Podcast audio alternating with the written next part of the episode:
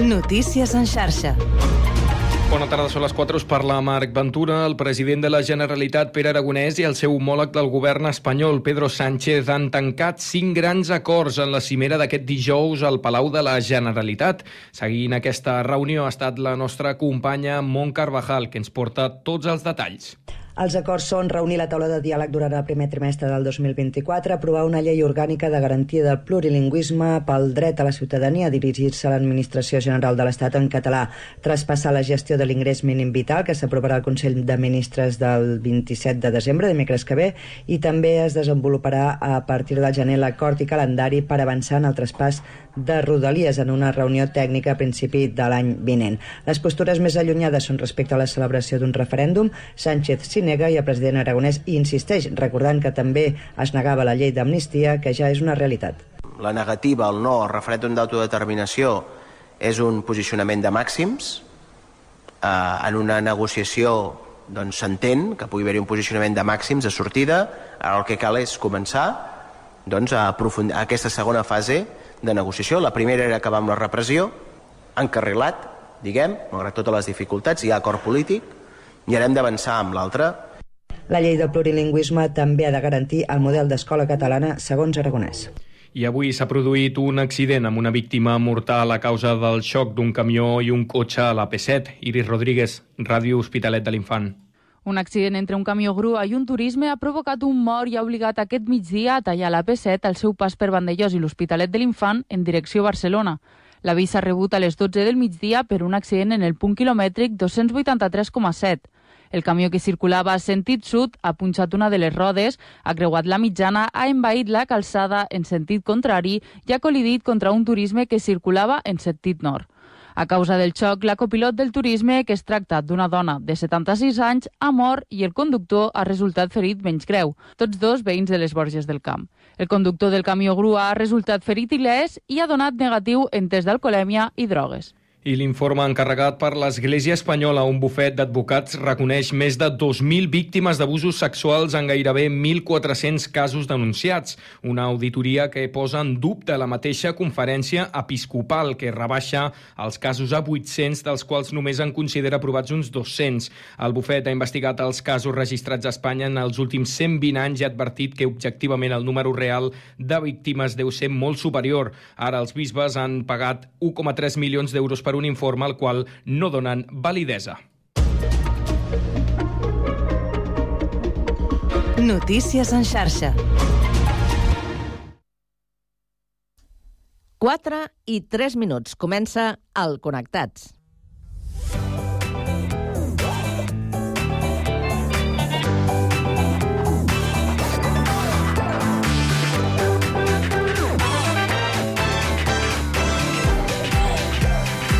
Connectats amb Carme Reversa.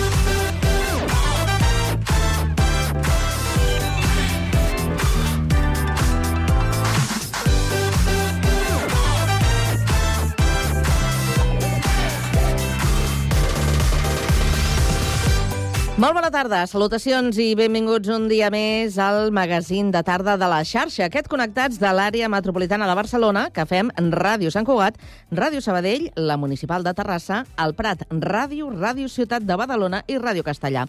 Una salutació de tot l'equip, conduït a la part tècnica per Pablo Palenzuela i de qui us parla, Carme Reverte. Avui és dijous 21 de desembre i volem saber quin temps ens espera aquesta tarda.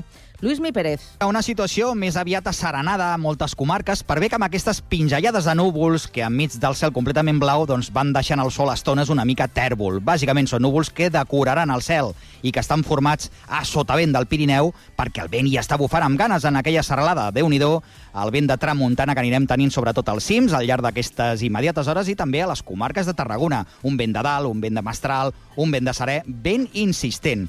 I tot plegat només amb núvols una miqueta més gruixuts a la Catalunya central, cap al Solsonès, cap a la Sagarra, la Noguera, també la comarca del Bages, un ambient més fred i amb aquests núvols més atapeïts que no deixaran pluja en qualsevol cas. En vista aquesta propera nit i ja demà divendres, un temps que tornarà a despertar moltes boires a la Catalunya central, no pas a la terra ferma, on encara hi bufarà una mica de vent de serè, i també el vent més fort a les comarques de Tarragona i les del Pirineu, encara amb molt mala mar, per tant, déu nhi sobretot ja mar en fora, el temporal de tramuntana que tindrem.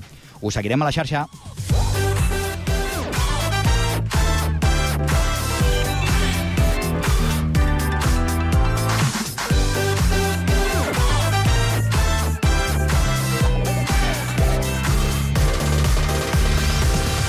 Molt bé, doncs avui al Connectats parlarem d'un invent, un pegat que analitza la suor corporal mentre n'extreu l'energia per funcionar de manera autoalimentada. En parlarem amb la Laura Ortega, que és eh, co-CEO de Suenti, empresa que ha desenvolupat aquesta patent. La acabarem aquesta primera hora amb la tertúlia generalista per debatre sobre el nou model de salut per atendre la població pediàtrica i l'acord de la Unió Europea per frenar la immigració. A partir de les 5 coneixerem la santcuatenca Judit Martínez, periodista i editora. Continuarem amb Patrimoni i l'exposició La defensa de la República al Prat, 1936-1939. Acabarem amb cultura per interessar-nos per l'exposició de diorames amb escenes bíbliques a la seu d'Amics del Prat. Tot això i més, des d'ara i fins a les 6 de la tarda a la vostra emissora local. Connectats? Comencem.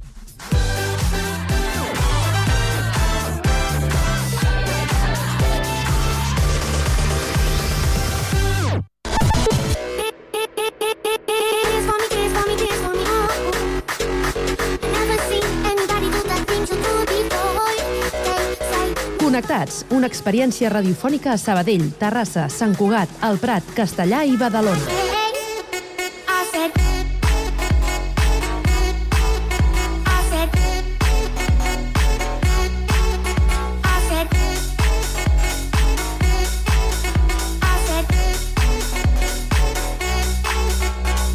Connectats amb Carme Reverte.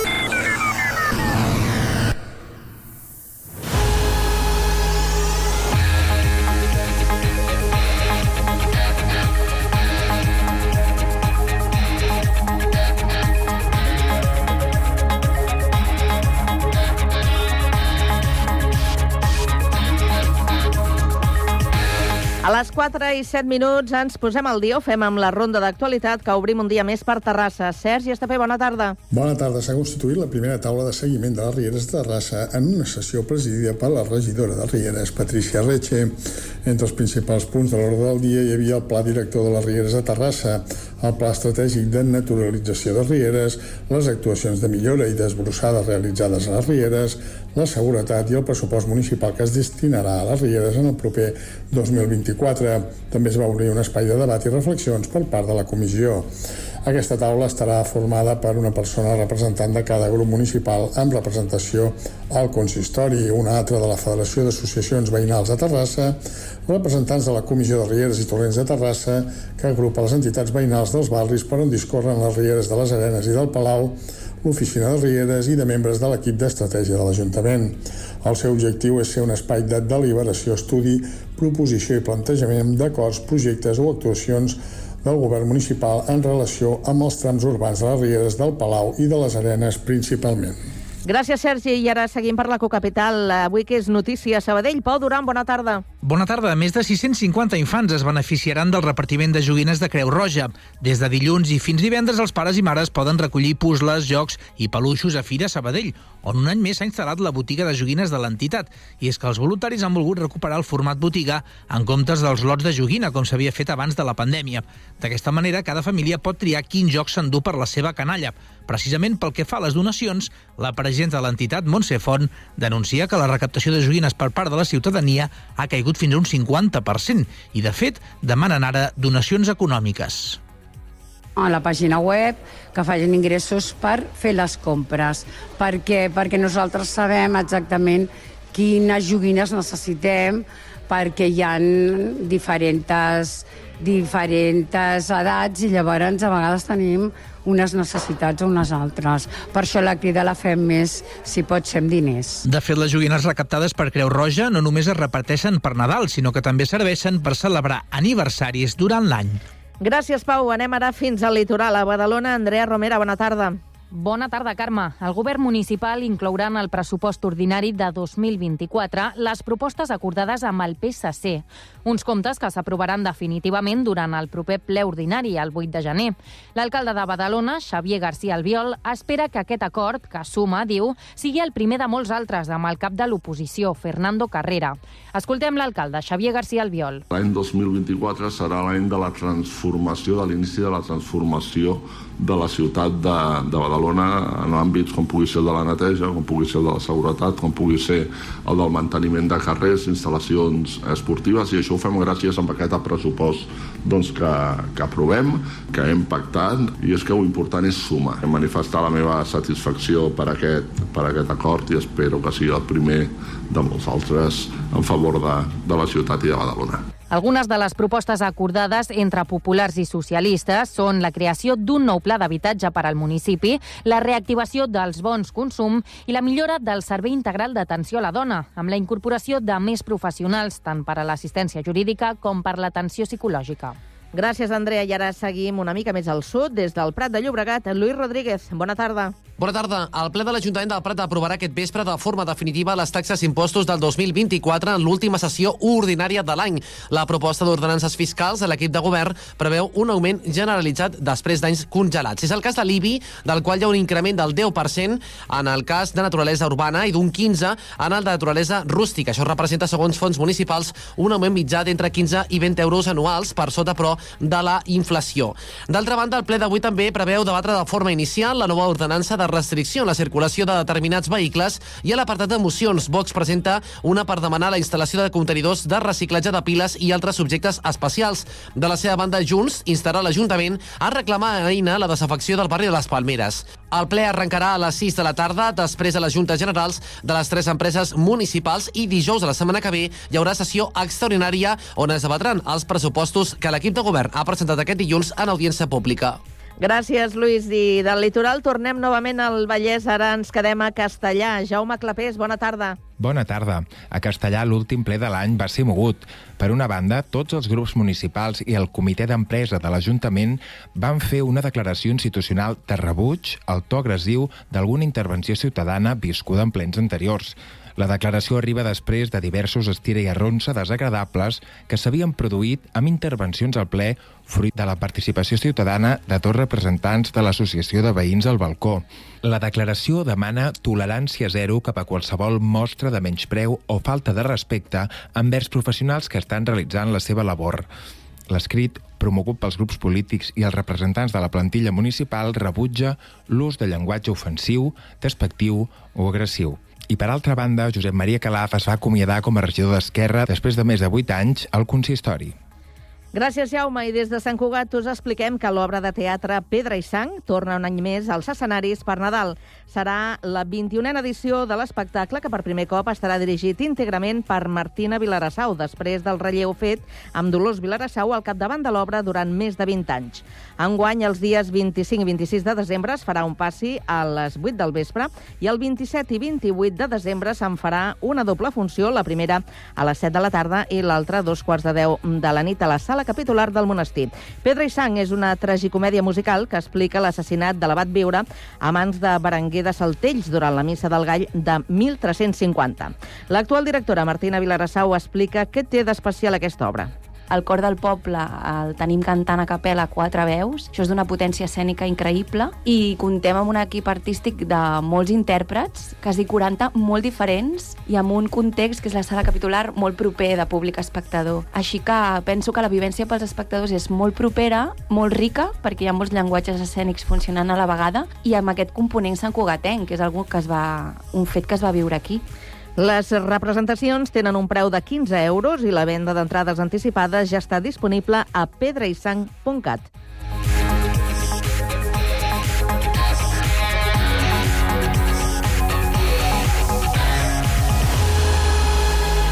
A la tarda, no et desconnectis. A la teva ràdio local, connectats. Can't touch this. Can't touch this.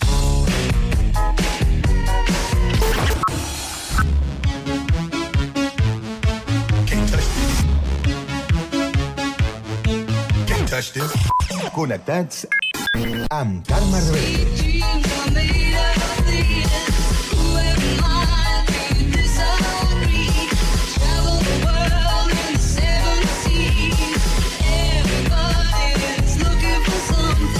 Connectats. Una experiència radiofònica a Sabadell, Terrassa, Sant Cugat, El Prat, Castellà i Badalona.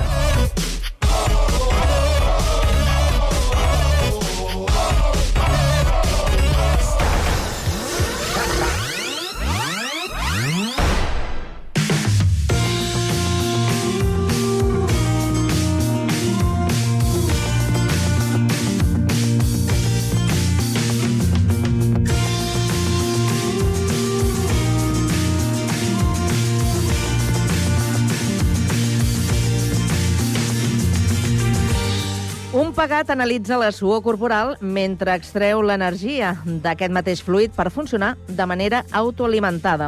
Per entendre la dimensió de l'invent n'haurem de parlar amb un expert.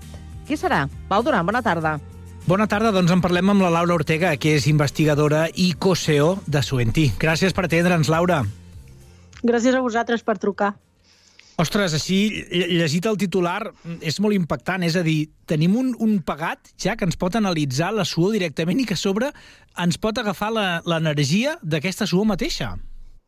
Sí, exactament. Nosaltres hem inventat una, una tecnologia en un centre de recerca que és on, on vam sortir els fundadors de Suenti i en aquesta tecno- tecnologia el que fem és generar energia de la pròpia suor.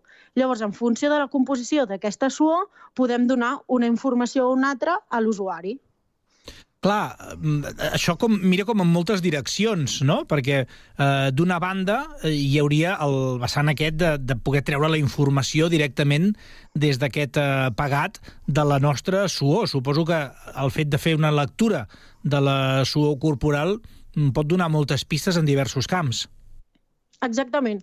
Nosaltres ara mateix estem enfocades en el tema de la deshidratació, perquè ara mateix és, és un problema global amb aquest increment de les temperatures i llavors eh, bàsicament estem enfocats a, a prevenir la deshidratació. Nosaltres eh, analitzem la composició d'aquesta suor i li diem a l'usuari quina és la seva tendència a la deshidratació i li donem pautes d'hidratació personalitzades. Llavors, els primers clients nostres són esportistes, normalment d'esports de, de, de llarga durada i alta intensitat, però també volem encarar la, a la deshidratació en altres, per altres eh, eh, segments de la població, com pot ser la gent gran o els neonats, que també es deshidraten molt fàcilment. No sé si he llegit també que, el, que inclús es pot arribar per a veure el, alguns aspectes relacionats amb la fibrosi quística?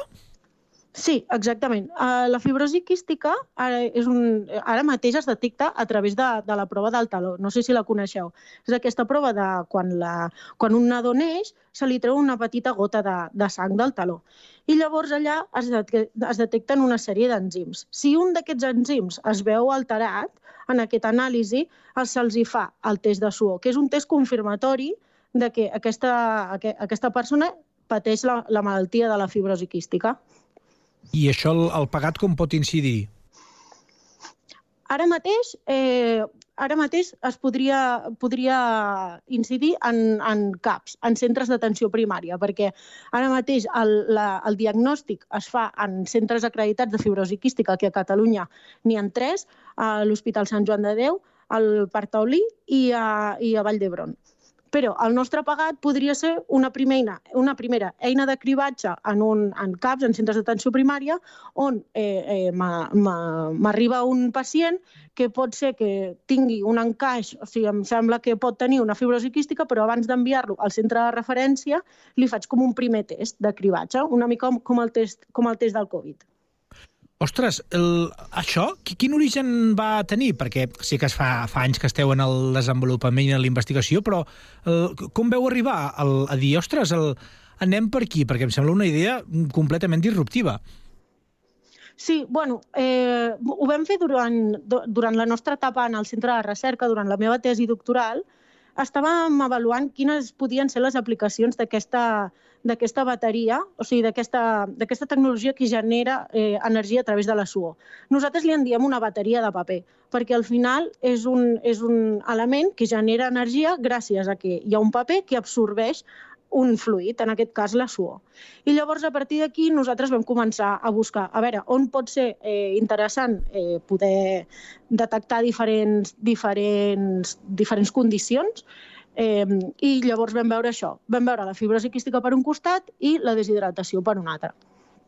Clar, entenc que això, m'agrada molt aquest concepte que dius de la bateria de paper, no sé fins a quin punt és escalable a altres coses eh, que hagin de moure molta més energia, però em resulta molt curiós no? que a vegades sembla que per molts aspectes d'objectes que tenim a la vida quotidiana cal buscar com materials raríssims, portar-los de superlluny, i en canvi el fet aquest de coses habituals puguin interaccionar, com això que li dius tu, la bateria de, de paper és una descoberta fenomenal.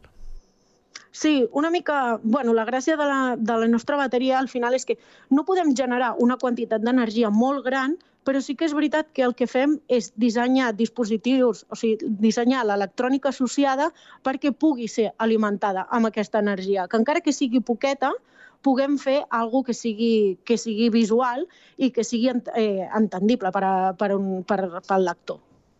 De fet, no serà molta energia, però entenc que, per exemple, deu ser suficient en el cas que ens parlaves de la deshidratació com per poder-se comunicar, mm, què, amb una aplicació o amb alguna cosa que consultem al mòbil? Sí, actualment, eh, com ens, move, ens comuniquem amb, amb unes petites, o, o amb unes petites pantalletes que utilitzen molt poca potència per, per engegar-se, o, eh, com dius, amb una, amb una aplicació mòbil. Però eh, l'energia que utilitzem per la comunicació prové del, del propi telèfon mòbil. Utilitzem la tecnologia aquesta de NFC, que és Near Field Contact, és la tecnologia que s'utilitza, que utilitzem tots quan anem a pagar al supermercat, Sí. quan apropem el mòbil al, al lector i, i està enregistrant el nostre ID de, de, de la nostra targeta, doncs utilitza la mate el mateix tipus de comunicació. Llavors, l'energia l'està enviant al telèfon mòbil perquè pugui recuperar-se del pagat. Mm, Clar, això em fa pensar que hi hauria mm, una gran quantitat de coses que també potser necessitant aquesta mínima energia i que a vegades l'agafem d'una font que, que és molt més potent, però que potser tampoc faria falta, no? També seria una manera no? de reduir totes aquestes bateries que ens volten? Sí, sí, completament. De fet, bueno, la recerca en, en, en tecnologies, en, bueno, en fonts d'alimentació alternatives i basades en, en, en energies, o sigui, en, en comunicació NFC és, és molt, molt gran. Em sembla molt interessant també, Laura, que les mateixes persones que veu començar la investigació hagueu pogut eh, anar tancant el cercle i acabar creant l'empresa spin-off una mica també per allò de que no es desvirtuï la idea original, no? de a poder, a banda que sou les més grans coneixedores sobre el tema, a poder acabar completant el desenvolupament en, a, en la bona direcció. Sí, exacte. Sí, sí. O sigui, nosaltres, bueno, va, va arribar un punt en el centre de recerca que ja no podíem evolucionar més la tecnologia, havíem de fer el salt al mercat i llavors va, vam ser l'Anna i jo, eh, la meva, la meva coceo, que vam dir mira, pues, ens, ens engresquem nosaltres dos, els, els nostres altres cofundadors eh, són investigadors del CSIC i llavors ells es quedaven a, a, la, seva, a la seva recerca i ens donen suport des d'aquesta de, des part, no? la part més, més investigadora.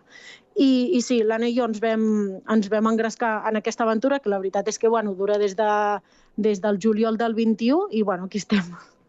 I déu nhi el recorregut, perquè veu guanyar al, al març d'aquest any mateix la segona edició de l'Alliance Startup Challenge, que es fa durant el Mobile World Congress. També heu rebut altres eh, ajudes, altres subvencions, també per anar tirant endavant aquesta iniciativa.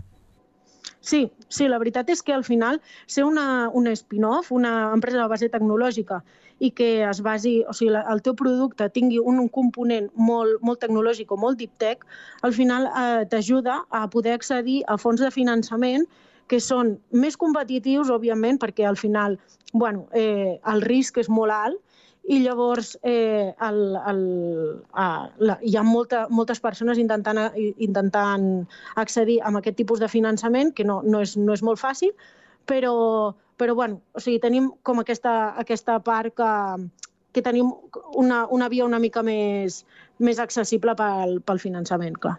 En aquest cas, per exemple, que veu ser seleccionades per Acció, per l'Agència per la Competitivitat de l'Empresa, això suposa una subvenció sí. de 100.000 euros. No sé si és clau en el projecte o inclús no haver-la obtingut, bé, es podria haver seguit tirant endavant. No, no, no, va ser completament clau. O sigui, nosaltres, l'Anna i jo, el que vam fer va ser eh, capitalitzar tot el nostre atur i el vam ficar dintre l'empresa. I llavors, a partir amb aquests diners, anàvem pagant pues, certes, certs gastos de, de l'empresa, no? O sigui, on, on estem incubades ara mateix, al despatx, al laboratori i tal. Llavors, vam arribar a un punt en el, en el desembre de, de l'any passat bueno, es va resoldre a l'octubre, però el, com a l'octubre de l'any passat vam dir o sigui, arribar a un punt en què dèiem, bueno, o sigui, si hi ha diners, seguim tirant, però si no, mira, o sigui, tanquem i busquem una altra cosa, perquè tampoc estem aquí per patir, no? I, i, i la veritat és que just ens va entrar l'Startup Capital d'Acció i va ser clau per poder seguir, seguir la, nostra, la nostra aventura. I una vegada teniu el finançament, Laura, això suposa haver de fer moltes més coses que no són d'investigació? De dir, home, jo en realitat m'havia posat això per investigar, però el percentatge de, de, del meu temps dedicat a la investigació ha disminuït. Sí, completament. O sigui, al final, eh, un emprenedor fa moltes, moltes, moltes funcions a dintre, a dintre l'empresa, i més nosaltres que en aquell moment només érem dos. I, i sí, o sigui, nosaltres una mica... Eh, hi havia parts de l'evolució tecnològica que teníem clares com tirar-les endavant nosaltres i, i és el que hem fet, però hi ha altres parts que també teníem clar que podíem subcontractar.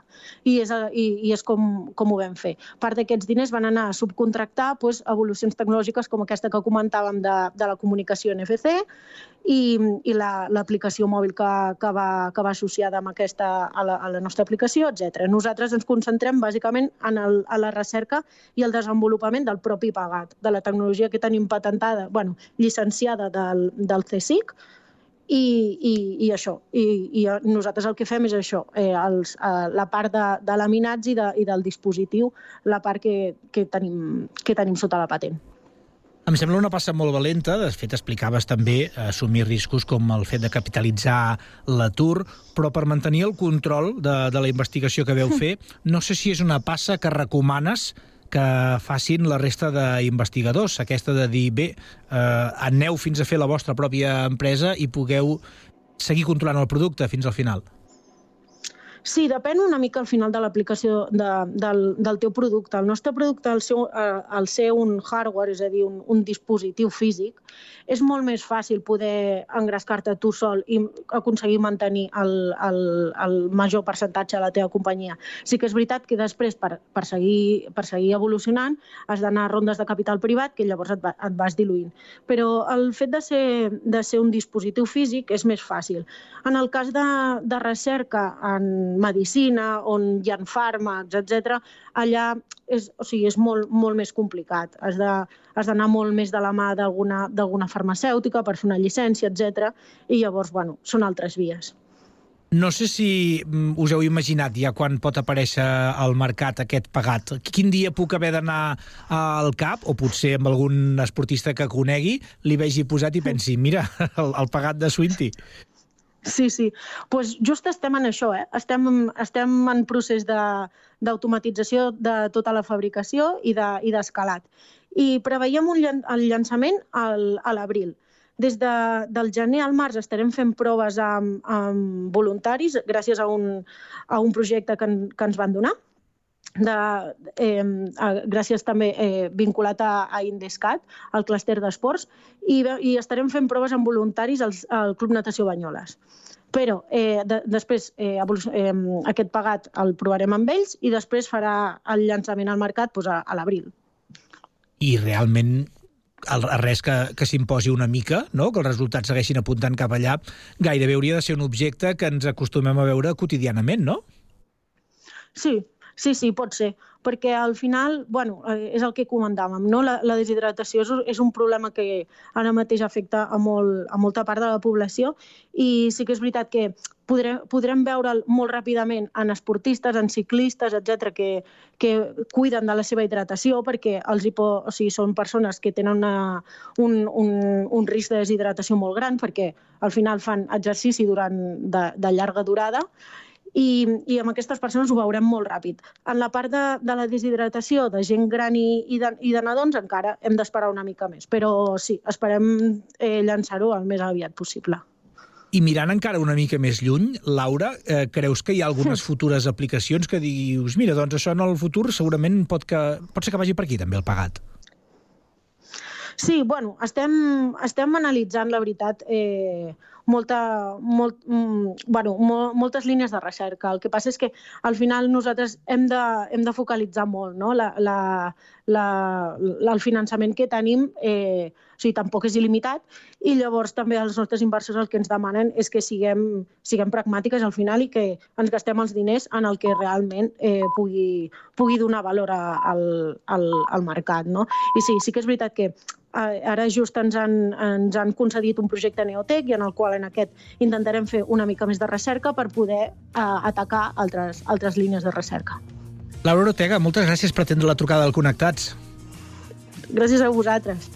pareu ben bé l'orella perquè això que us hem explicat avui és molt probable que ben aviat ho veieu una cosa la mar de normal abans del que us penseu.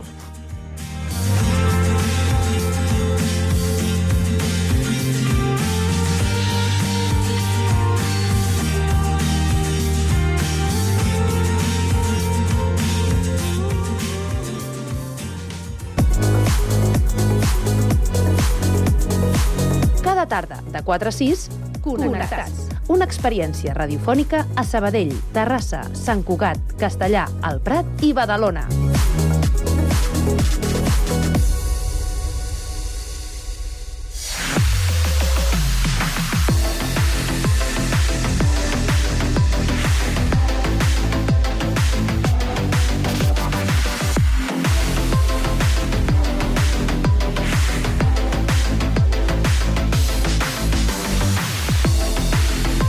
Passa un minut de dos quarts de cinc de la tarda i ara ens disposem a compartir una estona de tertúlia avui amb Enric Garí, que és president del Gremi de Constructors d'Obres de Badalona. Enric, bona tarda. Molt bona tarda a tothom. Com estàs? Bé, bé, gràcies a Déu, bé. I Molt vosaltres? bé. També, també, esperant que arribi el Nadal, eh? que ja s'acosta. Ja li queda poc. Sí, sí, ja el tenim aquí. Ja el tenim ja aquí. el tenim aquí. Demà, demà segurament que començarà oficialment per, a, per, per alguns. Per alguns, eh? Sí, no, no per sí, tots. doncs, esclar, demà és el dia de la loteria, Clar, per això. el dia del gordo. Per tant, el Nadal comença amb el gordo. Com a mínim amb la cantarella, no? Eh, Sí, que, que sí, fa, sí. fa Nadal. Vinga, anem a saludar a l'Anna Muñoz, que és periodista i la tenim a Terrassa. Anna, què tal? Hola, molt, molt bé, Carme, molt bé. Quant de temps? Sí, sí, sí, he estat uh, fugida. Has estat... T'has amagat. Sí, he estat desapareguda. Dic que no hagi fet com la Mafalda, no? Tal i com està la situació, m'he baixat de... Bueno, ja ja, ja m'agradaria baixar-me del món en Ai. quins moments. Eh, Seríem uns quants, eh? Crec, eh? El que passa és que no, no ho podem abandonar. Me baje. No, no, no, no, no, no, no. Això és un desig passatger. Després reacciona un i pensa, no, no, s'ha de tirar endavant. I tant. Doncs eh, la veu que escoltàveu ara era la de la Montse Moral, és la de la Montse Moral, farmacèutica i rotària, que avui la tenim aquí també per compartir tertúlia. Montse, bona tarda. Molt bona tarda. Què tal? Disposada a parlar de temes de- d'actualitat, temes eh, seriosos? Sí, perquè Sí. són temes seriosos, eh? Són molt serios. No, ara mm, feia una mica de broma, però sí, el tema de la- de l'atenció la, dels nens, dels infants, és Mhm. molt seriós. I tal com es veuen, la, bueno, és una estru- reestructuració per intentar optimitzar el que tenim, però est- està clar que falten pediatres. Deixa'm que ara introdueixi el tema. Pues El- vinga. Que encara, encara no havíem eh, eh, començat a, a explicar el què. I és que dilluns eh, Salut, el Departament de Salut, eh, va presentar el nou model per, eh, per atendre els, eh, els infants de 0 a 14, a 14 anys.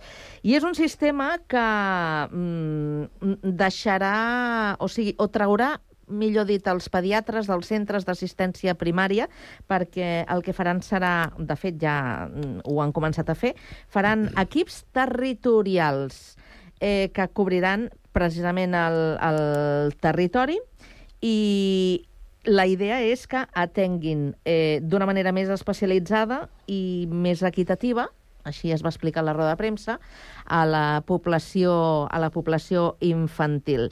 No sé si és un sistema que, que vosaltres eh, us acaba de, de quadrar, si us acaba de, de convèncer, perquè el que, entre altres coses, el que es va explicar en aquesta roda de premsa és que el, el servei de pediatria hauria d'estar eh, no, no més de 30 minuts de, de, de casa, és a dir, que hauria d'estar a l'abast de, de la població i que en alguns casos passarà que en comptes de tenir el pediatre a, a prop de, de casa teva, hauràs de fer uns pocs quilòmetres.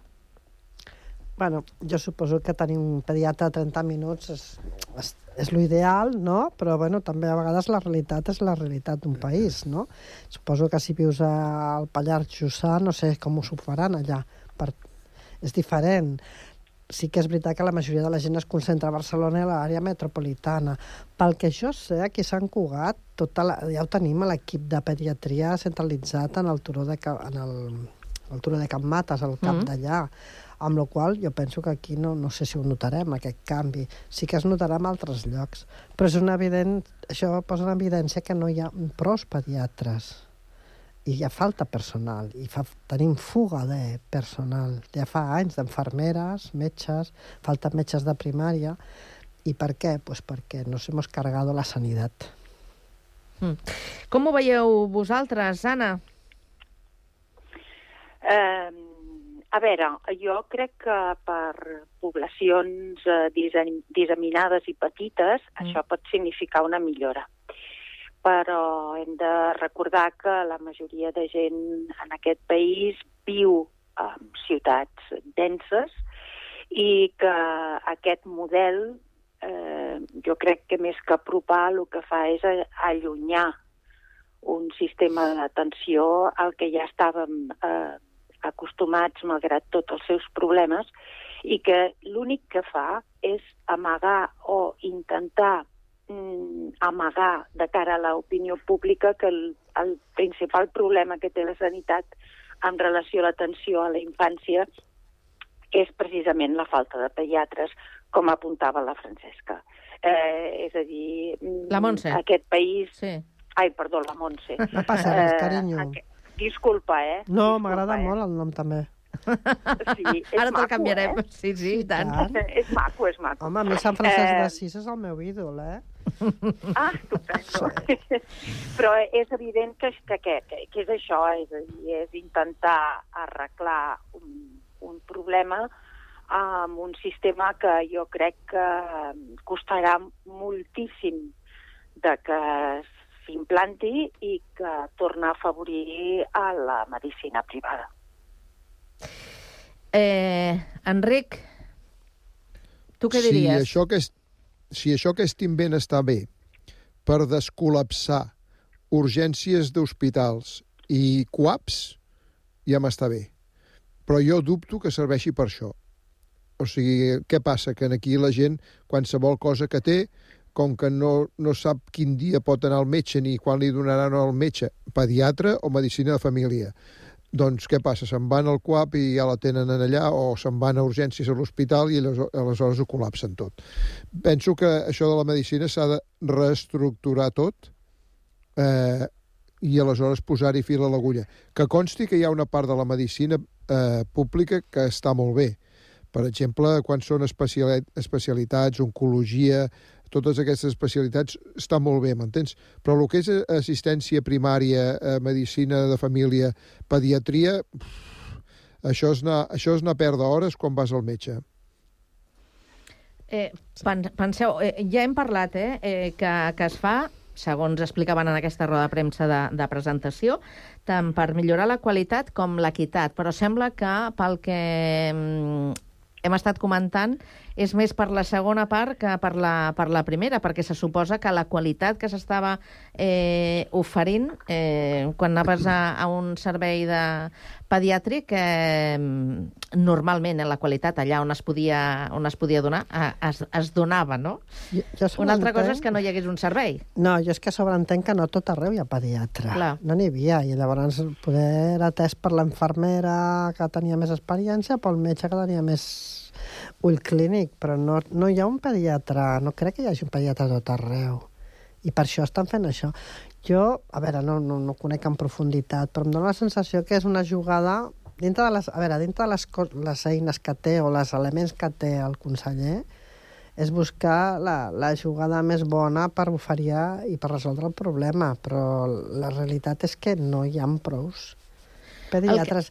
I, I la primària, els metges de capçalera, Mm. Els metges de capçalera són molt importants. Els metges de família doncs, se'ls ha me- menys tingut i se'ls se ha degradat mm, a nivell inclús sanitàriament, no? I llavors ara ells estan reivindicant... És tan important la- l'atenció primària, és que és la primera porta d'accés de la gent.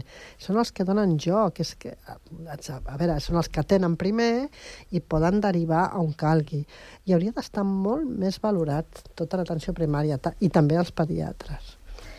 Però com... Eh, això- Digues, digues, Enric. No, que amb això li dono tota la raó, tota la raó.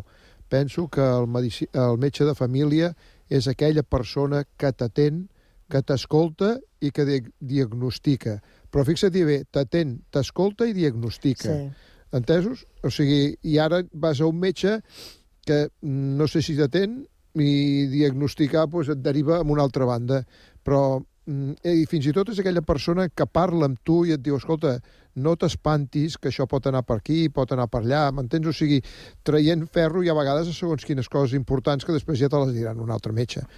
M'entens? Però és aquella persona que fins i tot serveix com una miqueta com a psicòleg. Sí. Mira, perdona, Enric, però jo, jo ara estic jubilada, eh, però he estat en farmàcia comunitària i en un barri apartat i he disfrutat molt fent aquest paper, escoltant a la gent, orientant-lo, sempre en el meu lloc, eh? jo no he fet mai un diagnòstic, però l'escoltar les persones i dir-li, mira, tran primer tranquil·litzar-les, llavors dir, mira, doncs el que has de fer és anar aquí anar allà. I sempre, sempre he recomanat que és molt important tenir un metge de capçalera. És el que sempre sabrà on t'ha de dirigir.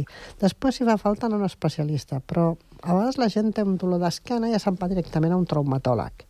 No, perquè potser aquell dolor no et ve de...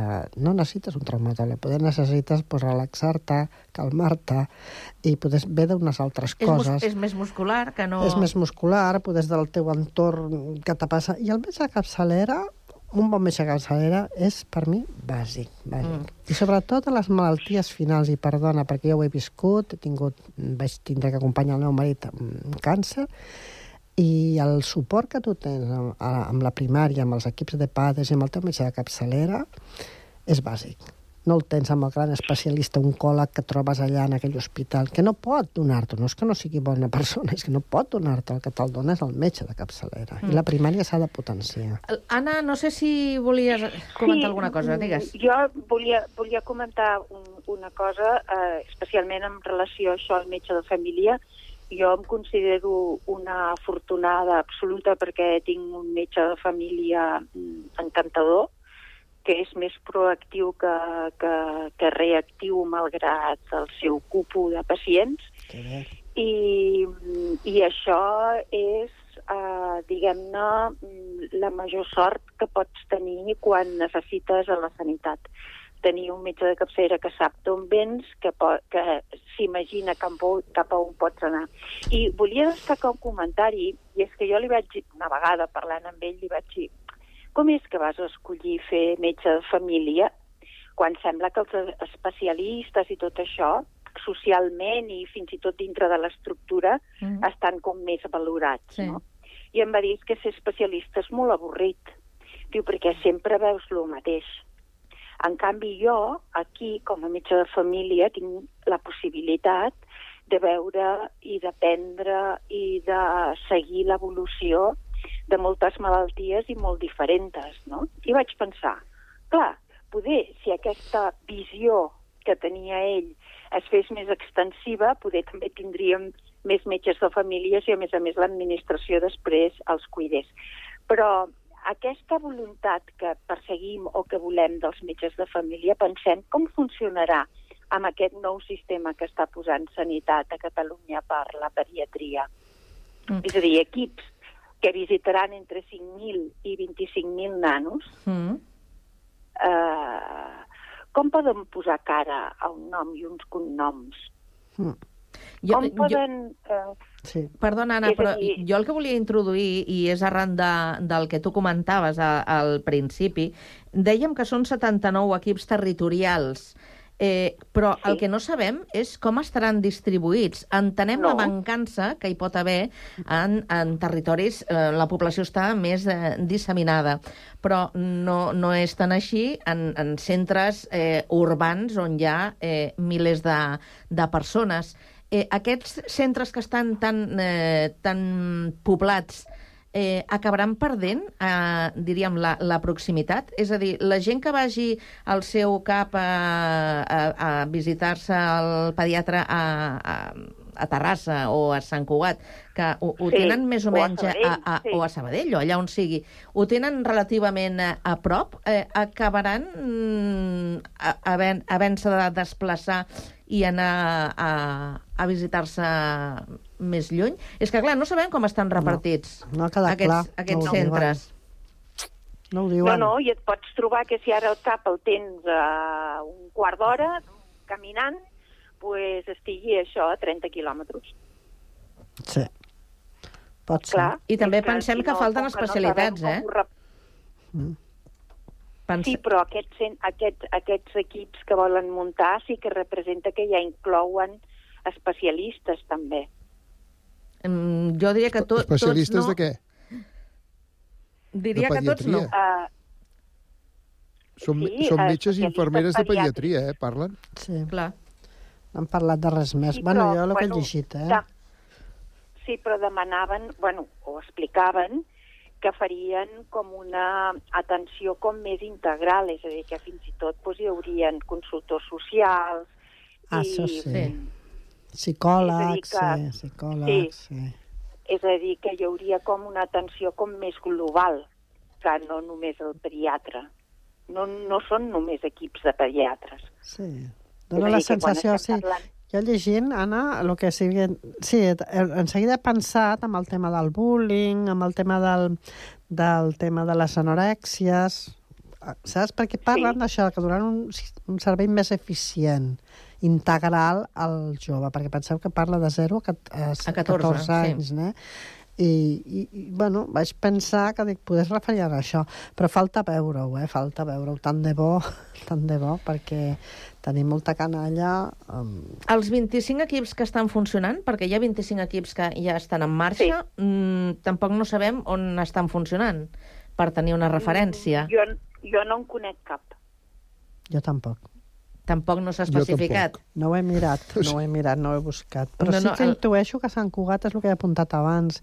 Jo ho dic perquè jo tinc netes i sé que el, els meus fills que porten a la pediatria pública Però estarà Turó de concentrat en aquest centre d'assistència primària per a la població de Sant Cugat. Sí, tota la pediatria està al turó de Can Mates. Val. Però això significaria que a lo millor aquest centre de Sant Cugat al final eh, mm, es dissoldria per formar no part sé. d'un altre equip? Això és el que no està, No el que no està explicat. I com que això es, desplegar, es desplegarà durant tot l'any que ve, el 2024, haurem d'anar veient com es van produint aquests canvis i, i, i com acaba funcionant tot, tot plegat. Sí. Aca això que acabes d'explicar Sí, ara sí. final és molt important. A veure com acaba tot plegat. Sí. Perquè, esclar, eh, jo, par jo penso Badalona, Hospitalet, Cornellà, eh, aquestes grans poblacions, sí. eh, Barcelona també, no? I aquestes grans poblacions, a veure com ho arreglen tot això, m'entens? Perquè hi han barris que són molt densament poblats Mm. i a veure com, com ho faran. Clar. En principi, com deia que la, fa que ha sigut la, la Montse, que deia els meus nets van a la medicina pública, la meva neta també hi va, i en principi l'atenció del pediatre és correcta i la- l'atenció de l'infermera és excepcional. Sí. Bé, doncs, eh, si ha de continuar millorant, mm, esperem Sí. que, que ho faci. Si aquesta és la fórmula i el sistema, ja ho veurem. Fixa't, Digues, Anna. Fixa't, fixa't una cosa, Carme, que tots dubtem de que això sigui Mm. una solució que sigui per millorar. Quan li otorguem un valor a aquesta mesura, diem que és l'intent de gestionar un servei que té eh, molta mancança de personal. Està clar. Aquesta Anna. és, la, eh, aquesta és diguem-ne, el positiu que li podem veure. Però a nivell de funcionament, jo veig que el funcionament encara serà més complex que ara haver d'esperar dues hores perquè t'atengui un pediatre. No, no, dues hores no, i 15 dies. Sí. I 15 No, però dies. això és... Ja tenim cita, eh? això Sí, és jo tenim cita. Val, val, si ja tens cita... Val, val, si ja tens cita... O sigui, pots trigar els Perquè, eh, 15 dies que dius tu, Enric, i després esperar dues hores a la consulta. Dues hores. Val, val. No, no, perquè, esclar, Sí, quan et que diuen... que- Eh, dia de visita, tal dia, mm, dius, escolta'm, eh, aquesta criatura necessita algú que se la miri. Cap a on vas? Cap a urgències. Bueno, ara tindràs eh, un, un telèfon, el 061, que tindran un pediatre expert, i això començarà a funcionar a partir del, del juny sí. de, del 2024. O sigui que, no sé, serà el qüestió telèfon, de veure. El telèfon aquest és gratuït. El 061 sembla que no. Sí. Sí? em sembla. O sigui, Sí, és- jo ho dic perquè a vegades que t'esperes una hora per parlar amb aquest telèfon, eh? Home, clar, si està ocupat eh, hauràs d'estar esperant i tornar a insistir. I... Però vaja, Per això t'ho dic. eh, canviant de tema, perquè això haurem de, de veure com, com evoluciona, no? I com va, com Jo va avançant. Que, jo crec que la conclusió és que la, la partitura... No, la música sona bonica, però falta veure al final com acaba l'obra, no? Ja. A veure, esperem que soni bé. Sí, a veure si és un drama o una tragèdia. Exacte, a veure... Sí. Mentre Ai. no sigui una comèdia, jo ja firmo quasi, eh? Vinga, Ostres, sí. El que les, sí que... òperes, les òperes són molt maques, però acaben totes amb tragèdia, eh? Ja. Ai, sí. Aviso. Sí, això sí. El que sí que és un drama i també una tragèdia és el que passa amb la, amb la immigració mm. i avui ens hem de referir a aquest acord de la Unió Europea per frenar la, la immigració i també tractar el- a la- a l'asil. Eh, tothom a Brussel·les deia això és un acord històric, eh, a partir d'ara sembla que hem d'anar millor. És un sistema que ja hem comentat quan es va avançar cap al mes d'octubre o així, eh, quines eren, podríem dir, les, les seves eh, virtuts eh, d'aquest nou pacte, que, que parla d'un sistema de solidaritat voluntària que es planteja per als països que, que, es- que diguin aquí estem nosaltres també per acollir eh, persones eh, i que no tots s'ho carreguin Grècia, Itàlia i Espanya. Espanya, que són els, país, eh, els països eh, receptors. Eh, Ah, és que has sentit que hi hagi algun país disposat a acceptar immigració? No, no ho sabem, eh, però mm, sota aquest concepte de solidaritat queda voluntària, solidaritat voluntària, maca. doncs eh, haurien de- de- d'acollir almenys uns 30.000 unes 30.000 persones a l'any. I aquells que els hi... Raqui.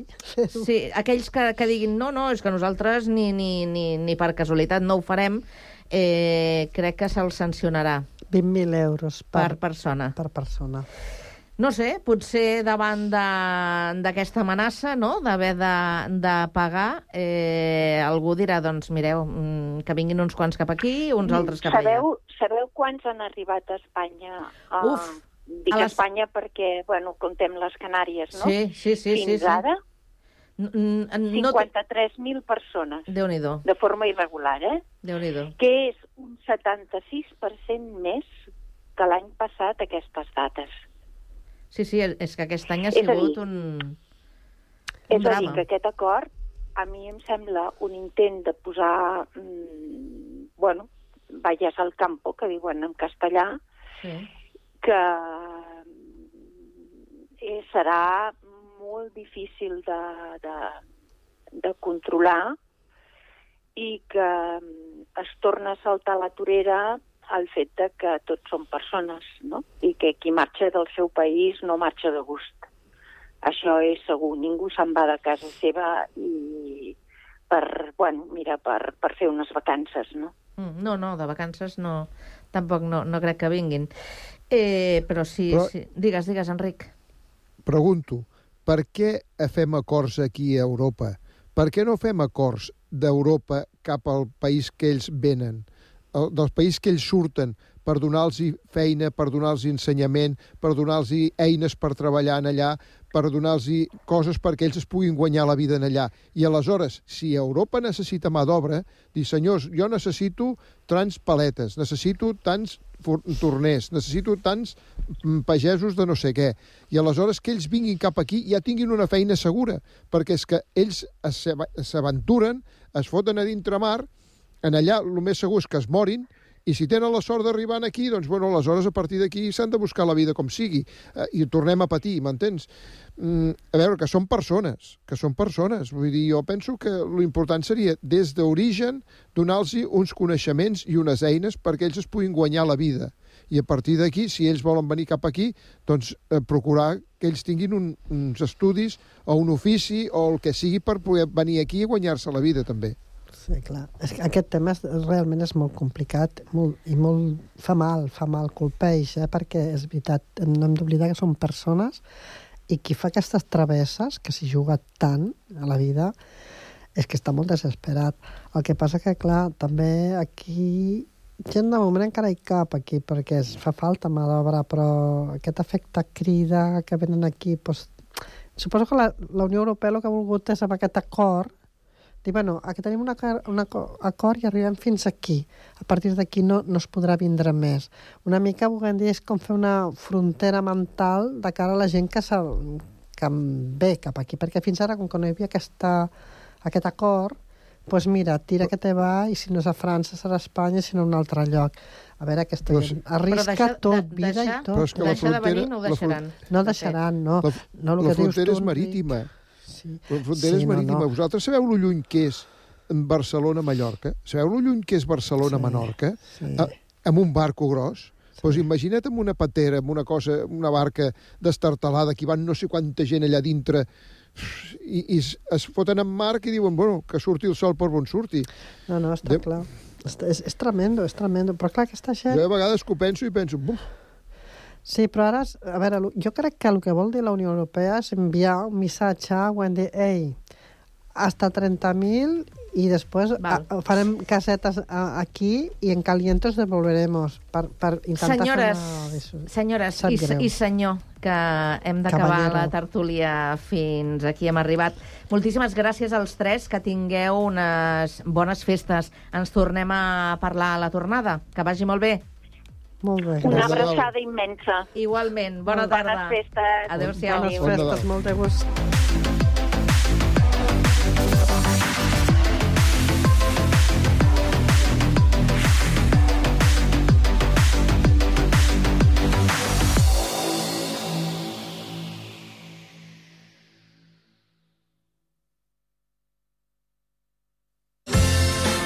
Tens Sant Cugat a la butxaca? La targeta de punts de més de 80 botigues de Sant Cugat. Si no és així, sol·licita-la a les botigues adherides i aconsegueix un munt d'avantatges. Descomptes, obsequis, promocions especials, barrets de la nit en blanc i... No ens podem allargar tant. Consulta www.santcugatalabutxaca.cat. Ara també utilitza la teva targeta al Mercat de Torreblanca. No és el mateix ser els integrants del millor grup de la història que ser el millor grup de la història. Per això, el grup català Occident serem Occident, perquè per continuar assegurant-ho tot, tot i tot, ens havíem d'ajuntar tots, tots i tots. Entra a seremoccident.cat.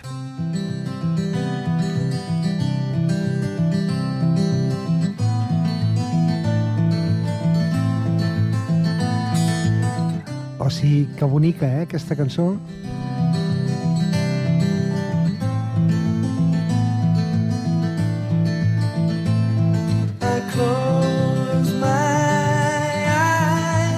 Sabíeu que aquesta preciositat de cançó d'Ast in the Wind del grup Kansas va estar de ben poc, però que de ben poc, eh, de que no es gravés mai, i que si no arriba a ser per la insistència de la dona del seu autor, Kerry Livgren, hagués quedat inèdita?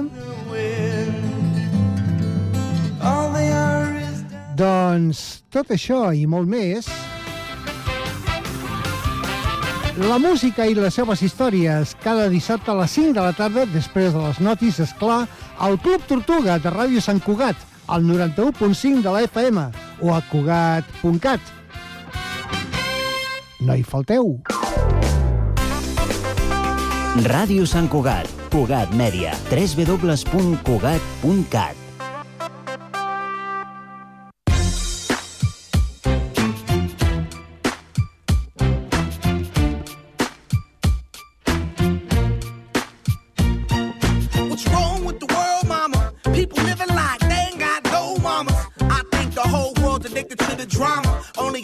to things that'll bring the trauma. Overseas, yeah, we trying to stop terrorism. But we still got terrorists here living in the USA, the big CIA. The Bloods and the Crips and the KKK. But if you only have love for your own race, then you only to discriminate. And to discriminate only generates hate. And when you hate, then you're bound to get irate. Yeah, madness is what you demonstrate. And that's exactly how anger works and operates. Man, you gotta have love just to set it straight. Take control of your mind and meditate. Let your soul gravitate to the love, y'all, y'all.